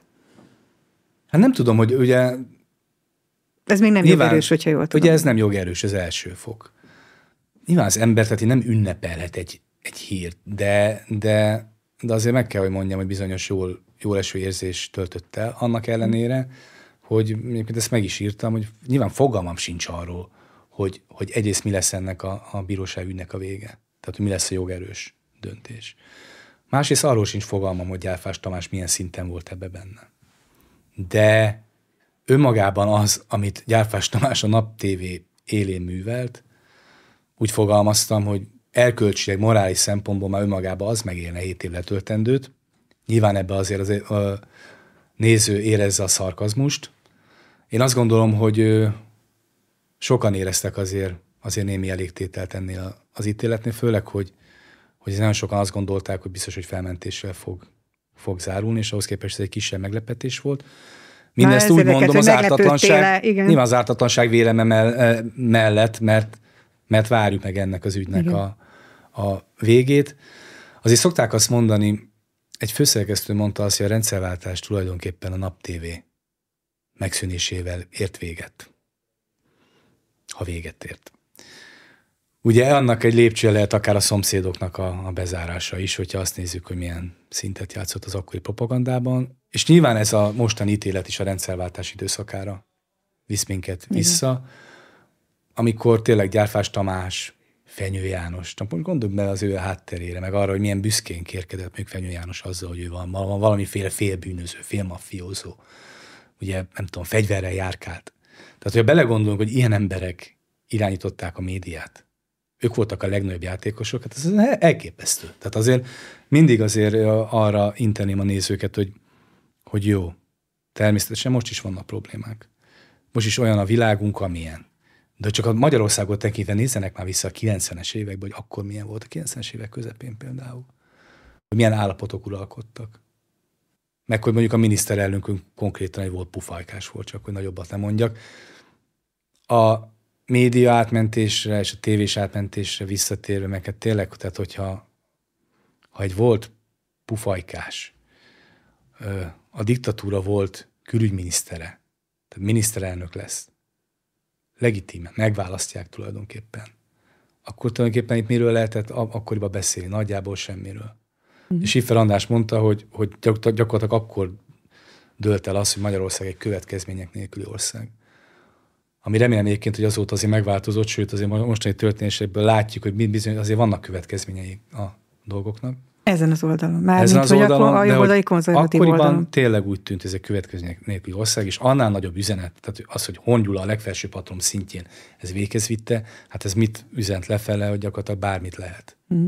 Tényleg igazából akkor ezért a posztkommunista média elité, véleményvezéri elité, gazdasági elité, politikai elité volt minden tulajdonképpen. Tehát egész pályát vitték nem akartalak eltéríteni téged a különböző krimibe illő történetektől természetesen, mert azért írsz eh, Bulgáriáról is, amit effektíve vadkeletnek tartottak. Nagyon sok érdekes történet van. Eh, egy van, amiről szeretném, ha beszélgetnénk, mert ez viszont itt Magyarországot eh, illeti megint csak. És ez, ez, ez a bizonyos Frey Tamás, Jusz László és az orosz bérgyilkos története ami megint olyas valami volt, amire az ember így szerintem, ha kívülről nézi, akkor úgy eltévedhetett, hogy azt se tudta már, hogy hol van.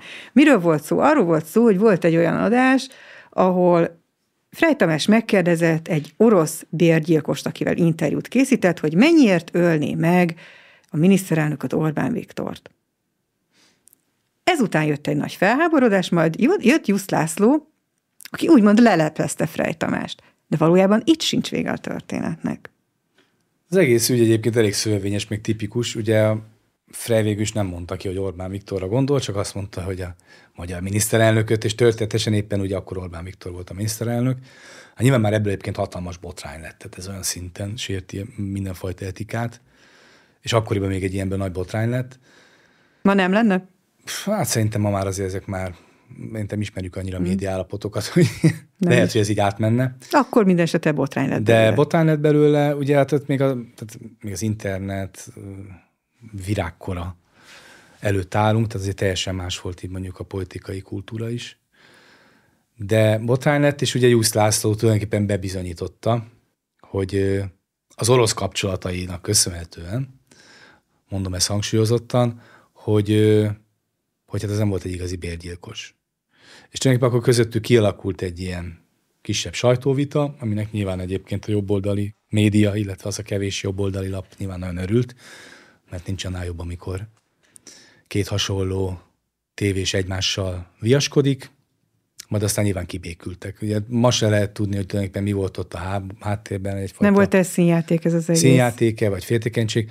Az volt a legviccesebb, hogy a Just, azt konkrétan, ugye azt szerintem a könyvben is idézem, hogy az ő teóriája szerint ez tulajdonképpen a Fidesz rendelte meg ezt az interjút, mert hogy ilyen, na, na, egy, egyfajta ilyen mártírt akartak. Igen, ugye. tehát e, e, e, erre akartam kiugrani, hogy... Mindent hogy, tudtak hogy, tolni, mindent igen, is sikeresen tehát, áttoltak. Hogy látszólag, látszólag neki ment egy vele azonos gondolkodású kollégának, ami önmagában talán furcsa, ahogy te is mondod, de jó, igen, lerántotta a leplet, leleplezte, de azért a mondat második felétől se tekintsünk el, hogy egyébként meg ez valódi leleplezés volt, hogy az egész felelősséget le akarta venni a válláról?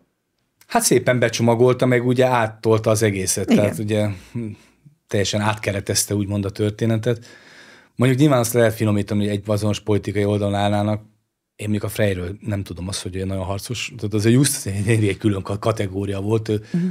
azért gondolom, nem tudom, mondjuk ő minden megsértődik, meg minden magára vesz, meg nem tudom, szeret perelni is, de hát azért abszolút egy politikai tévés újságíró, nyíltan elkötelezett volt ugye mindig egy bizonyos politikai erő mellett. Frey ezért lenni szerintem, szerintem ő így nyíltan, ennyire nyíltan sose volt az, hogyha az is volt. Tehát azért nyilván, hogy egy ilyen hálózatot nézzünk, és megint hangsúlyozom ki, nem egy beszervezettség alatt értjük a hálózatot. Ez lehet egy ideológia, egy érdekhálózat, egy ilyen posztkommunista hálózat, mondjuk nevezzük így. Ha ezt nézzük, akkor ott nagyon különbözőek a szerepek, tehát nem lehet ugye itt sem mindenkit egy kalap alá venni, vagy, vagy, vagy azonos kategóriába tenni. De, de érdekes módon viszont nagyon fontos a szerep, mert mindenkinek megvan a szerepe. Tehát mindenki máshogy, máshoz szól, a társadalom egy másik rétegéhez szól. Tehát Kepes András is egy másik réteget tud megszólaltatni, mint nyilván a bolsevik mentalitású Jusz László, aki nyilván ezt az ilyen szektás réteget tudja inkább. Ma már. Mert ugye korábban olyan műsorokat vezetett, amiket az adott esetben akár milliók néztek, hiszen nem nagyon volt más, meg annyira föl volt építve. Tehát itt mindenkinek megvan a különböző szerepe, és ezeket a különböző szerep alapján kell őket vizsgálni, kutatni az életüket. Hmm, pusztán csak a, a, az indulásra utaltam egyébként, mikor az indulás abszolút. egyenlőségjelet tettem, tehát hogy ezért nyilván Frey Tamásra se lehet azt mondani, hogy konzervatív jobboldali gondolkodású, vagy onnan jött volna. Hát ő egyébként ő azért hangsúlyozta az interjúban, hogy egy sváb származású, ami igaz. Ezért is tudott igaz. például németül nagyon jól már És hogy ő, nyilván az a sváb származás, ez nem amiatt fontos, mert valakinek nem a számozásra akarunk vájkálni, csak nyilván tudjuk, hogy hát szegény svábok ugye nem voltak a kommunizmusnak a nagy nyertese, és még elég finoman fogalmaztam. Kitelepítették Tehát őket kitelepítették, üldözték, ugye. Legjobb esetben is magyarosítani kellett sokuknak a nevüket, tehát nyilván ezért hangsúlyoztam, ez már utána azért jó hangzott, de neki egyébként a legpofátlanabb és színikus nyilatkozata, hogy egyszer megkérdezték az apjával kapcsolatban, az ő apja egy, ugye egy gyárat vezetett a kommunizmus végjátékában, és akkor azzal ütött el, hogy ugyan már ebben nem volt semmi, hogy amíg az átlagos munkás ő egy forintot keresett, az ő apja az egy forint, egy fillér, nem tudom, mire gondolt, egy pont egyet.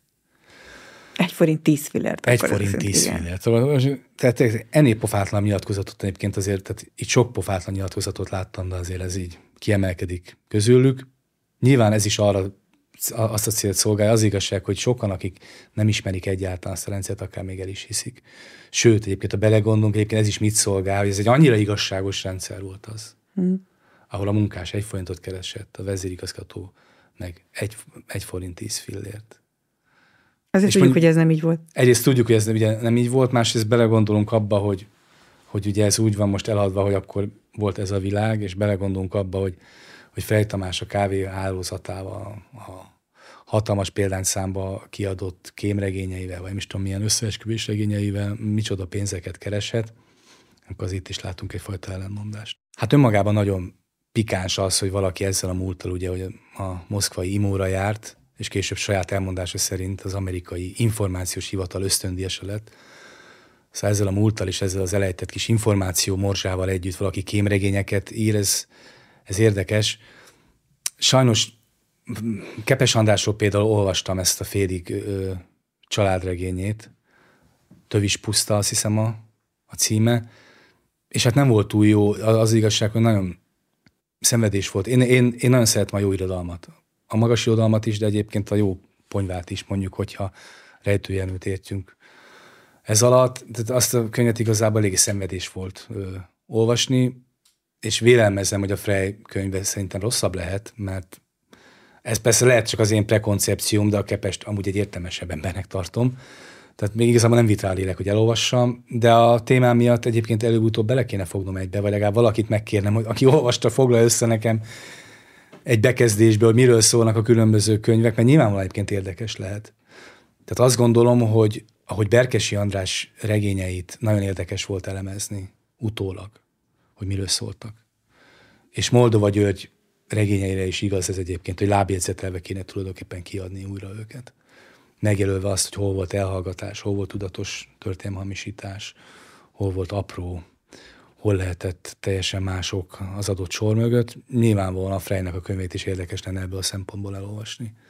És azt lehet látni, hogy a volt imósok azok továbbra is nagyon-nagyon élénken mozognak különböző területeken, és valahogy azt is lehet látni, hogy ha nem történik velük valami, valami drasztikus dolog, akkor valahogy mindig újabb és újabb állásokat találnak. Tehát érdekes ebből a szempontból megnézi Hardi Mihálynak a, a pályafutását, ő is valahogy az egyik munkaerő héten átszáll a másikra, repülőtér, különböző érdekes állásokban a szomszédok, a múltkori beszélgetésünket azzal fejeztük hogy a szomszédokról beszéltél ennek a könyvnek a végén. Akkor már úgy tulajdonképpen előrevetítetted, hogy lesz majd egy következő kötet, és valóban ennek a végén ö, elemzed a szomszédokat, ahogy aztán podcastot is készítettél, nem is egyet a szomszédokról. Mennyi támadást kaptál ezután? Mm, nem jellemző egyébként. Nem volt jellemző? Csak azért, mert ö, én például kicsit meglepődtem azért azon például, hogy Pásztor ö, Erzsi utána neki ment ö, az Orbán kormánynak, és ö, bizonyítékom nem nincs rá, de én úgy éreztem, hogy ő neki igazán az fáj, hogy valaki rosszat mondott a szomszédokról. Amit egyrészt egy kicsit furcsának érzek, mert azt gondolnám, hogy azért itt a 21. század, ha, ha legyek most naív, jó, két másodpercig, hogy a 21. században talán egy, egy bulvár televíziós sorozatról talán elmondhatja az ember a véleményét következmények nélkül, akkor is, hogyha az nem kifejezetten pozitív, de hát ezek szerint nem. Nem arról van ez szó, hogy a szomszédok a prototípusa annak, amit te úgy írsz le, mint a kommunizmus és a szocializmus esetében a Stockholm-szindróma. Mindenki, nem mindenki, a fél ország röhögött rajta. A félországot idegesítette ez a nyávogás.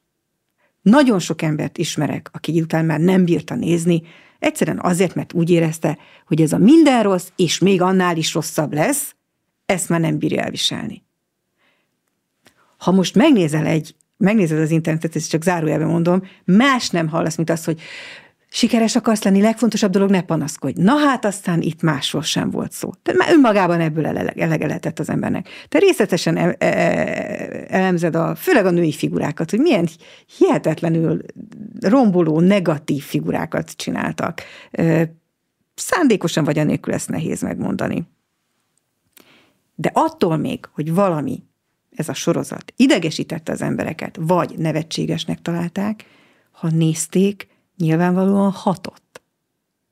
Tehát nem ez a baj, nem erről van valójában szó? Hát pontosan erről van, vagy ezzel van a legnagyobb baj. Tehát úgy hat, hogy igazából észre se veszi szerintem a néző. Az, hogy most a szomszédok néhány szereplő elkezdett aktuálpolitizálni, nyilván ez egyébként nekik szívük joguk van, nyugodtan tegyék, nem gondolám magamat annyira túl, hogy mondjuk Pásztor Erzsét egyébként zseniális színésztőnek tartok, azt így jegyezném meg, de egész szomszédokból ő volt a legjobb szerintem. Tehát ahogy ő hozta ezt a elképesztő, mérgező és rettenetesen antipatikus figurát, az fantasztikus volt amúgy. Kinek jutna eszébe egyébként a színészt kárhoztatni azért, hogy egy figurát jól megcsinál, attól függetlenül, hogy az írók és a rendezők valójában milyen hatást értek el vele? Nyilvánvalóan senkinek. senkinek. Nyilván senkinek nem jut eszébe, most így barátom mesélte, hogy látott egy opera előadást, amiben a Richard Wagner Lohengrinjében a főszereplő a hős, Lohengrin, Zelenszky. Na most nyilván senkinek nem jut eszébe a világhírű lengyel sztártenort megszólni azért, hogy miért állt oda, és miért volt hajlandó elénekelni ezt a szerepet így, mert mit csináljon, nyilván operaénekes oda fog állni és énekelni fog. Tehát ez is már önmagában furcsa, hogy, hogy mondjuk a színészek egy rossz szót nem mondtunk eleve. És nem, de is bocsánat, de miért lehetne megszólni valakit? Hát nyugodtan meg lehet szólni valakit azért, mert, mert beáll így gyakorlatilag egy ilyen politikai uh-huh. propagandába. Most ha, ha szereti valaki jó, ezt is lehet, igen. az ukrán vezetőt, ha nem, ez akkor is egy politikai propaganda. Tehát uh-huh. teljesen mindegy, hogy hogy nézzük. Itt lehet azért azt a választást hozni, hogy nem lehet. állok bele. Igen, ez igaz. Ö, jó, mondjuk ö, akkor, akkor csak annyi, hogy tegyünk egy olyan különbségtételt, hogy... De nyilván sokan eljátszanák. Lehet, hogy én, én is eljátszanak adott esetben, hogyha választhat az ember, lehet, hogy utána semmilyen szerepet nem kap igen. sehol, hát akkor meg egy, egy, Igen, ez az egyik, a másik nem meg, tudom, mi van a háttérben. Igen, meg nyilván. nyilván válaszunk ketté, mert akik effektív alkotók, lehet, tehát aki író, rendező, és ez nyilván más kategória. Igen, jó. De visszatérve a szomszédokra, hogy ez a Stockholm szindróma, amit te, amit te leírsz, hogy, hogy volt egy pillanat, amikor olyan emberek is odaálltak a, a diktatúra mellé, akiknek egyébként volt velük baja. Volt vele bajuk. Talán azért, mert hirtelen úgy gondolták, hogy úgysem fog soha az életben semmi megváltozni.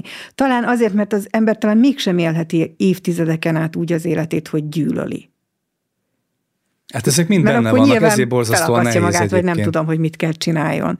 De, de nem gondolod, hogy ez a szomszédok, ez, ez, ez erre egy jó példa, mert olyasmiről beszélünk, amit akkor, amikor nézték, nagyon sok mindenkit mondom, irritált, sokkal nevetségesnek találták, és, és mégis azzal találkozó, hogy sokan meg azt mondják, hogy jaj, de jó volt. Hát egyrészt sokaknak az volt a fiatalkoruk. Másnak meg egyébként lehet, hogy tetszett. Lehet, hogy egyébként a személyiség is olyan is teljesen hitelesnek tartotta. Tehát nyilván ez olyan, mint az ízlés, tehát mindenkinek más az ízlése, ezzel önmagában nincsen baj. Engem jobban foglalkoztat az a kérdés, hogy hogyha a médiaháborúról gondolkodunk, akkor Betlen János mondhatom egy jó példának, klasszikusan megbízható főkommunista családból származik, hogy az apja Betlen Oszkár, egy hírhet főkommunista volt tényleg, propagandista, de Betlen János mostanában tett egyébként önkritikus megjegyzéseket is, ő mondta azt el, hogy gyakorlatilag azt mondta, hogy a médiaháborúban lehet, hogy túl kemények voltak, és, és, és túlzásba vitték mind a kollégákkal, mind az Antal kormánya kapcsolatban. Ott legalább volt egy. Egy. Tehát most nézzük meg, hogy hányan vettek részt. Nyilván egy ilyen Havas Henriktől, meg ezektől az emberektől nem váratja el a, a, az ember ezt a fajta önreflexiót, végignézzük a leépülésüket, ez valamelyest valakit kárpótol, valamennyire valakit nem, de legalább volt egy. A szomszédok esetében én azért várnám azt az embert, ezért ott voltak tényleg egyébként jobboldali szereplők is. Hogy egy olyan fajta önreflexiót, nem azt mondta, hogy sajnálom, hogy részt vettem benne, hanem hogy visszagondol, hogy gondol róla. Mert simán lehet egyébként, hogy még sincs igazam, és nem is volt annyira hervasztó sorozat. Egyébként azt gondolom, hogy igen, mert nagyon sok, nem csak azért, de hát nagyon sok visszajelzés volt. Olyan visszajelzés is volt, aki, aki, aki azt írta, hogy végnézte, és most, amikor megnézte a műsoromat a Hamis Gulyásban, ez ugye a reklámhelye, ö, újra gondolta az egészet, és most látja át, hogy igazából mi történt. Ez volt egyébként, ezek a legmeghatóbb üzenetek, itt látom értelmét egyébként a munkámnak. Meg azt, amit az imént mondtál, hogy úgy hatott, hogy észre se vették. Gyakorlatilag erre célzott, hogy ő akkor nem vette észre, pedig felnőtt volt, most 50 éves elmúlt már. Mm. Ezek egyébként a jó részei. Nagyon szívesen venném, ha tényleg valaki elmondja, hogy mit gondol a sorozatnak az üzenetéről. Legyen az bárki. Mert egyébként azt nem mondják el itt, tehát ez a nosztalgiázás, meg hogy milyen jó volt, és mellette aktuálpolitizának jó, ez egyszerű. Hanem, hogy ők mit gondolnak, hogy, hogy konkrétan mi volt a koncepció egy olyan sorozattal, aminek a vége az, hogy az összes szereplő gyakorlatilag kipanaszkodja magát. Tehát ennek, ennek milyen pozitív hozadéka lehetett? Hogy van, aki azt gondolja, hogy ezzel segítette kiereszteni a gőzt, mert egyébként lehet, hogy valaki ezt gondolhatja. Tehát jó lenne, hogyha valaki reflektálna rá legalább utólag. Mm. Lehet ez a feladat rád vár, hogy megkérdezzél valakit, hogy ő mit gondol róla. Elképzelhető. Bocsánat, hogy így Adod nekem a munkát? Nem, baj, jó, ez persze. És arról mi a véleményed, hogy most, hm, igen, jó kérdés, lehet, hogy, hogy ez sem egy új dolog, de most a baloldali propaganda, mint feladat, mint parancs szinte, az külföldről érkezik. Tehát külföldről érkezik, külföldről határozza meg a, ma, a magyar baloldali sajtót. Tudjuk, hogy miről beszélünk. Arról beszélünk, hogy Soros György különböző álcivil szervezetein keresztül hogyan pénzel független objektív baloldali médiumokat. Nyilván ez is egy nagyon nehéz kérdés, mert ugye erre mindig születik az a magyarázat, ugye, hogy azért jön onnan a támogatás, mert amúgy annyira el vannak lehetetlenítve. És azt lehet látni, hogy sokakat, tehát hogy mondjuk én beszélgetek amúgy értelmes emberekkel, és mondjuk erről is beszélgetünk, akkor ők ezt nem is látják problémásnak, mondjuk ezeket a jeleket, amikor föltűnik Amerika bizonyos médiumok mögött, és már teljesen nyilván van, tehát kutatni se kell még nagyon hozzá. Mert hogy hát teljesen normális, hogy végre legalább támogatják. Tehát eljutottunk oda, sajnos, hogy egy csomó embernek az teljesen természetes, hogy egy külföldi nagyhatalom tulajdonképpen belavatkozik egy adott országnak a politikájába, a médiájába. És ugyanezek az emberek, akik ezt természetesnek tartják, és egyáltalán nem ütköznek meg ezen, ami ugye nagyon komoly nemzetbiztonsági kockázat, amúgy. Tehát én is tudnék azért sok olyan újságírót, nem fogok most újságírókat sorolni, de tudnék olyan újságírókat sorolni, akik nemzetbiztonsági kockázatot jelentenek. Egyszerűen a mozgásuk és a cikkeik miatt. És ez nem azt jelenti, hogy nyilván, hogy üldözni kell, de hát őket meg kell, konkrétan meg kell figyelni. Tehát lehet olyan eszközöket találni, jogi, legitim, legális eszközöket, amivel megakadályozok valamilyen szinten a felforgató akciókat. Tehát konkrétan lehet látni ilyen újságírókat. Nagyon problémásnak tartom, hogy ez hogy ez mostanában így teljesen elfogadott lett. Holott, hogyha mondjuk Amerikát kicserélnénk, ugye ez annak is köszönhet, hogy Amerika a világméretű, zseniálisan felépített propagandája segítségével, amit összetett, és filmeken, sorozatokon, direkt propaganda, lágyabb, tehát tényleg nagyon-nagyon régóta, és nagyon-nagyon jól működik. Ma is úgy van gyakorlatilag, hogy a világ közvéleménynek egy részének a szemében úgy jelenik meg, mint a demokrácia, hogy abszolút csúcsa, a demokrácia bajnokai, tehát igazából mindig el lehet adni, hiszen, hiszen, csak a, hiszen csak a demokrácia köszönt be hozzánk ugye a sötét középkorban tényfergő magyarokhoz. De ugye azt az egyszerű kérdést föltenné magának az az ember, aki ezt itt teljesen elfogadottnak tartja és helyesnek, hogy ugyanezt gondolná el, hogy, hogyha mondjuk az oroszokról derülnek ki, vagy Kínáról. Hát biztos vagyok benne, hogy nem. Vagy akkor azt mondja, hogy úristen, mi történik itten? De ezt félelmetesnek tartom valamilyen szinten, Másrészt meg olyan szinten, szinten károsnak, hogy azt látom, hogy ebből is van egy ilyen hatás, ellenhatás, akció, reakció, és, és egyre inkább távolodunk attól, hogy, hogy, hogy mondjuk egy újságíró, az újságírók csak az ország és a társadalom érdekeit nézzék, és azt szerint dolgozzanak. De ez már olyasmi, amivel a következő könyvedben is talán fogsz foglalkozni, nem? Ha jól tudom, akkor az a következő, ami készül, ami a sajtóval foglalkozna. A sajtó megszállásról fogok írni, de azért ott 45-től fogom elkezdeni. Ahogy itt is. Ahogy itt is, és szerintem 56 környékén be fogom fejezni az első részt, mert ez az akkora falat, uh-huh. tényleg azért, mert a sajtóban annyi minden történt, és annyi minden mutat önmagán túl, hogy, hogy ezt nem tudom belepréselni egy könyvbe.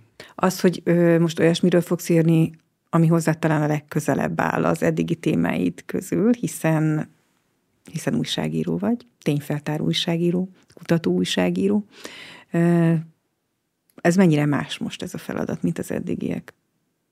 Azért sokat írtam már a sajtóról, meg sokat foglalkoztam vele, nyilván annyiba érdekesebb, hogy sokkal közelebb áll hozzám. Tehát a, az írott propagandát sokkal jobban ismerem, mint mondjuk a tévés propagandát, tehát, tehát izgalmas lesz, ugyanakkor főleg azért is izgalmas, mert hogy sok-sok történetet már ismerek valamennyire, sok-sok pályafutást már, már leírtam félig, meddig, de hogy most így újra ránézni, mindig az ember átértékel dolgokat, és talán olyan dolgokat is felfedezek magam is, amikkel korábban esetleg nem jöttem rá. Jó, hát akkor legközelebb majd erről beszélgetünk. Erről is. Köszönöm, hogy itt voltál. Köszönöm szépen a meghívást.